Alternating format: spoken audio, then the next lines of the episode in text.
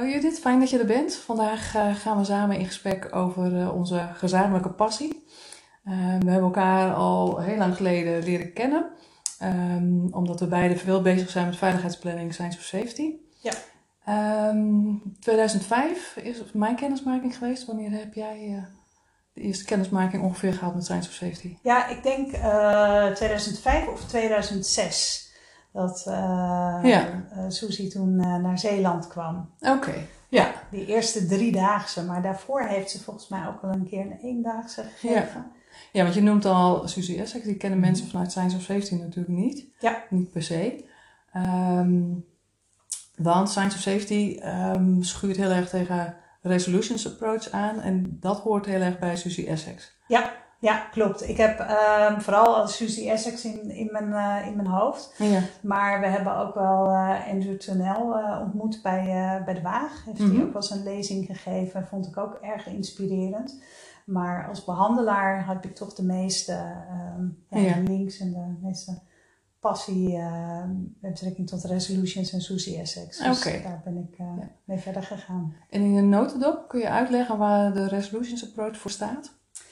Um, nou ja, de resolutions approach is heel erg gericht op uh, het werken met weerstand en cliënten, waarbij sprake is van, uh, van weerstand omdat zij uh, in een situatie zitten waarin er verdenkingen zijn of beschuldigingen zijn rondom um, kindermishandeling. Ja. En um, ja, zij dat eigenlijk betwisten. Ik vind ontkennen vind ik altijd zo'n Ja. lastig woord. Want ontkennen is um, um, eigenlijk ga je er dan vanuit dat iemand het wel gedaan Ja. heeft, maar Ja. eigenlijk weten ze dat niet of willen ze dat niet toegeven. Precies. Maar wij weten in ieder geval beter. Juist. En Ja. daarom noemen we het die andere ontkent het. Ja. ja. En wat ik zo mooi vond van Susie en ook van, van haar benadering vanuit de resolutions, is dat zij heel erg zegt: hey, je moet twee, um, uh, je moet het, twee mogelijkheden eigenlijk open houden in Mhm. uh, gedachten. Want het kan uh, waar zijn, wat uh, degene voor je vertelt, of het kan niet waar zijn. Maar iemand kan heel veel redenen hebben Ja.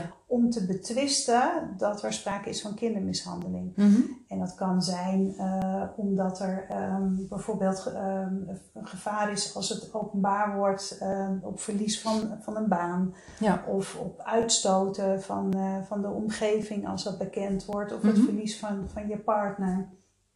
Nou, een heleboel verschillende Ja. redenen. Soms ook uit. Gewoon, ook gewoon echt niet meer weten. Ja, of niet het- aan willen gaan. Want wat zegt dat over jou? Ja. Als jij degene bent die, die uh, je kind mishandelt, je kind pijn wil doen.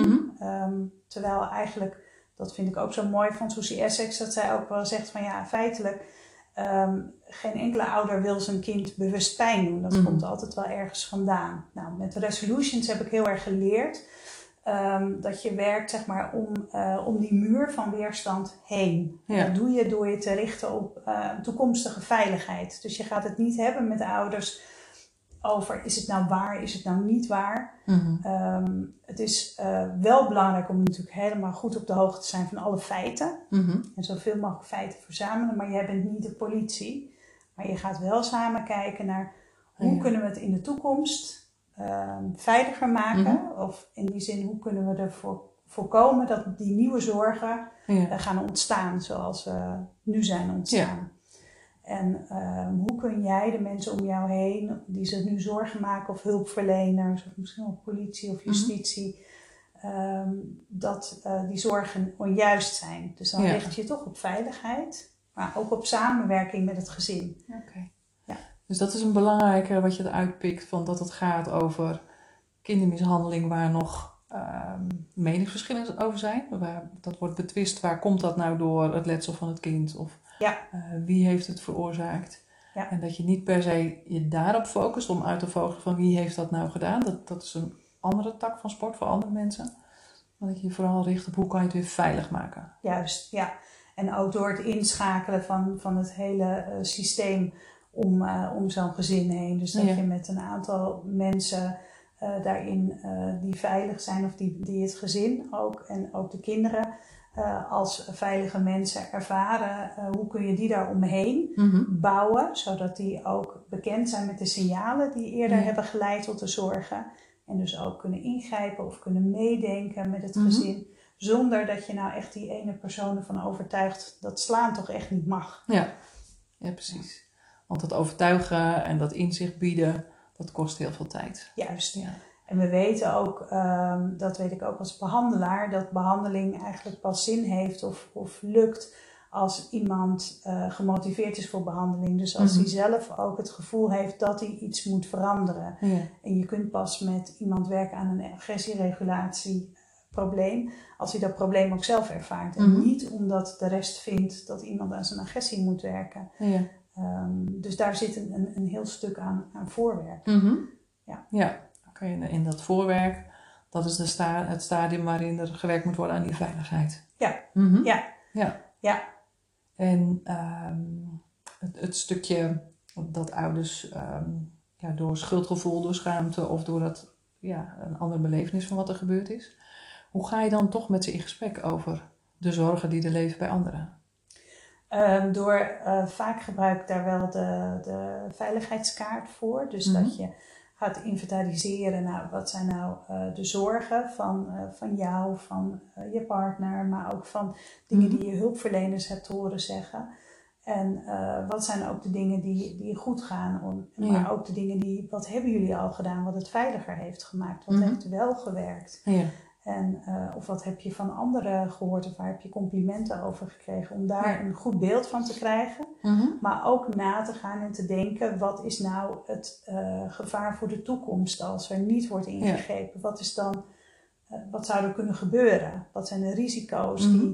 die jullie als gezin of jullie kinderen in, in hun ontwikkeling naar volwassenheid lopen? Ja. En daar geef ik vaak ook wel psycho-educatie over. Over ehm, ja, het Ja. voortduren van stress of als er onzekerheid Mhm. is. Of, ehm, Ja. En hoe krijg je het dan voor elkaar dat je die, dat stuk psycho-educatie, dat je dat kan geven, dat ouders daar open voor staan?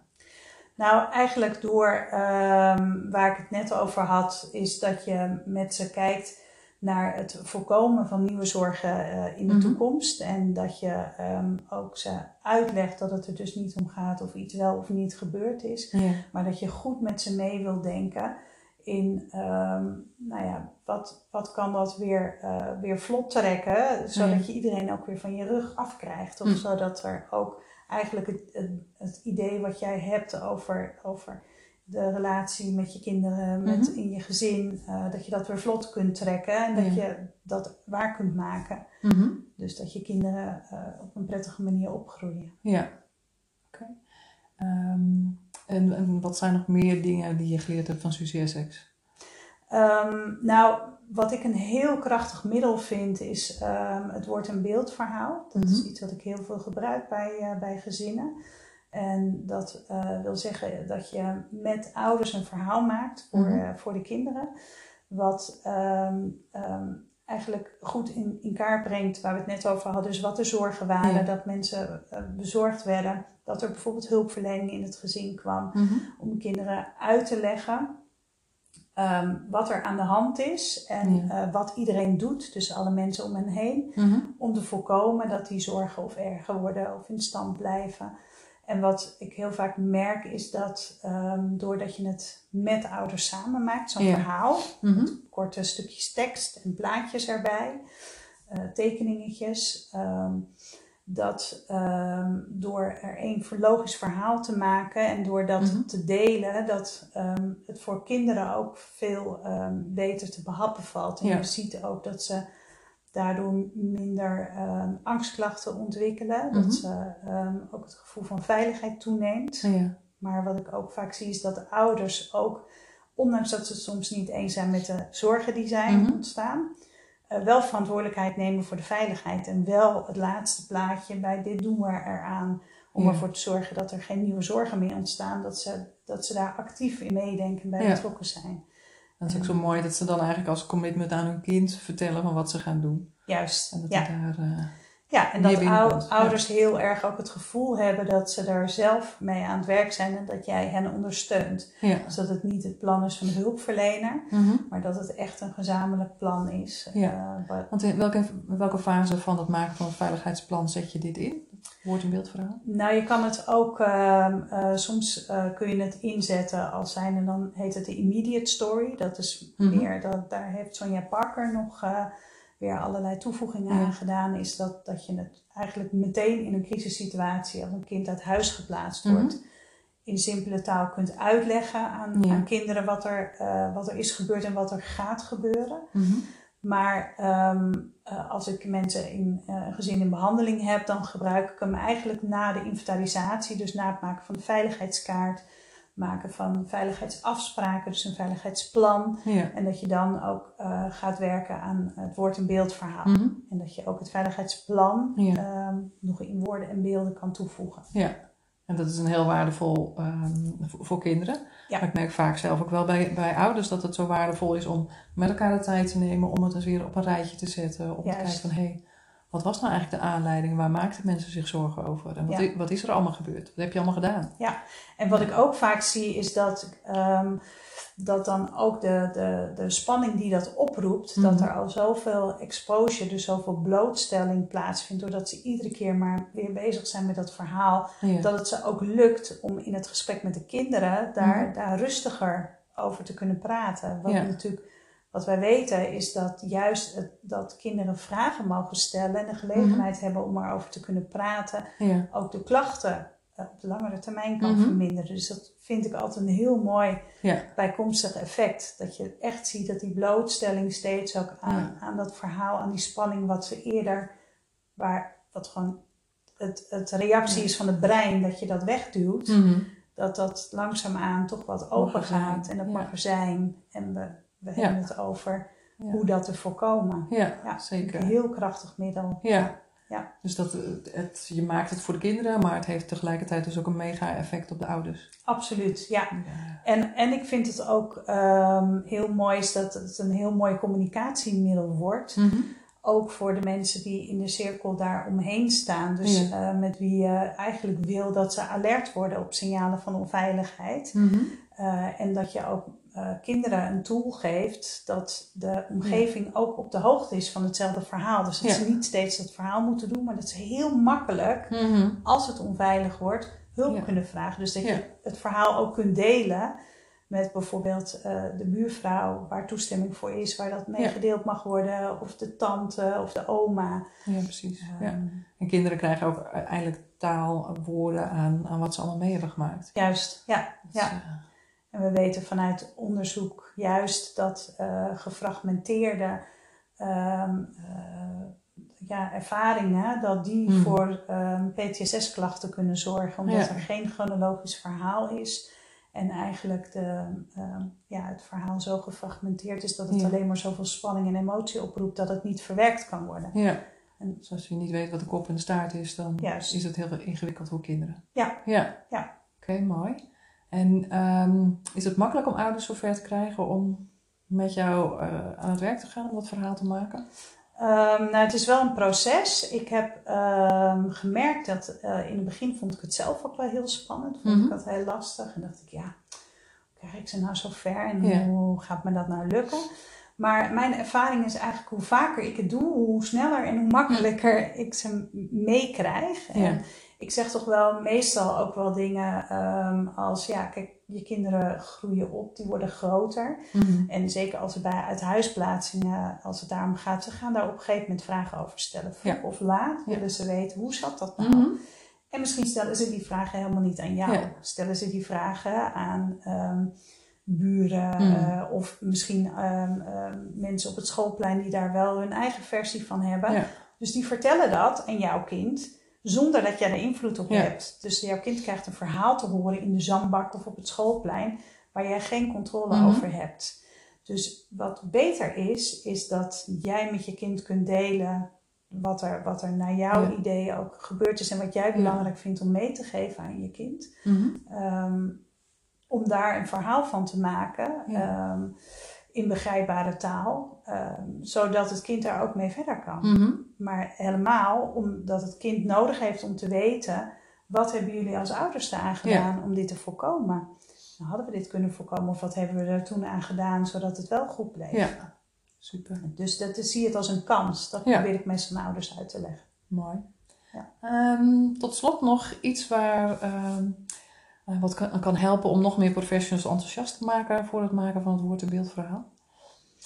Ehm, ja, ik, ik vind het, het is natuurlijk een, een heel eh, heftig onderwerp. Mhm. En ehm, ik vind het juist eh, voor mezelf als hulpverlener ook ehm, heel fijn om op deze manier, zeg maar, toch ook een wat ja, simpele manier, zeg Ja. maar, en gestructureerde manier met Mhm. een heel heftig onderwerp bezig te Ja. zijn. Waarbij je als hulpverlener zelf ook een soort van controle houdt, want je hebt het binnen, binnen een, een heel duidelijk kader en je hebt een heel duidelijk doel. Ehm. En ik vind het dus echt een heel krachtig middel. De gezinnen bij, waar ik ehm, dit eh, mee heb gedaan, Mhm. die eh, zijn daar allemaal uiteindelijk ehm, ja, he- heel eh, blij mee geweest. En, Het is eh, echt, als ze iets dat in handen hebben, dan Ja, hebben ze echt een product, iets, iets gemaakt delen. Ja, ja, Ja. ik heb ook wel eens een, een, een jongetje eh, gehad die ook zei: Ja, nu weet ik echt wat er, eh, wat er aan de hand was. En nu weet ik dat ik niet meer bang hoef te zijn dat ik zomaar weer uit huis geplaatst ga worden. En nu weet ik dat het, dat het echt zo Ja. is dat we, dat we er samen aan Precies. werken. En kan ik Ja. alle nare dingen in mijn hoofd wegdoen. Ja, En heb ik ruimte voor de leuke dingen. Vond ik zo Super. onwijs mooi. precies. En dat zijn dan de cadeautjes. En dat maakt Ja. dan dat je denkt van nou oké, de volgende keer ik ga er weer mee aan Ja. de slag. Ja, Ja. nee, klopt. Mooi. Ja. Oké, dankjewel voor dit gesprek. We hebben het ook een klein stukje gehad van de Resolutions Approach. Ja, hebben Het woord- en beeldverhaal. En eh, een andere keer gaan we het over de andere on- onderdelen hebben. Leuk. Goed, dankjewel. Oké, graag gedaan.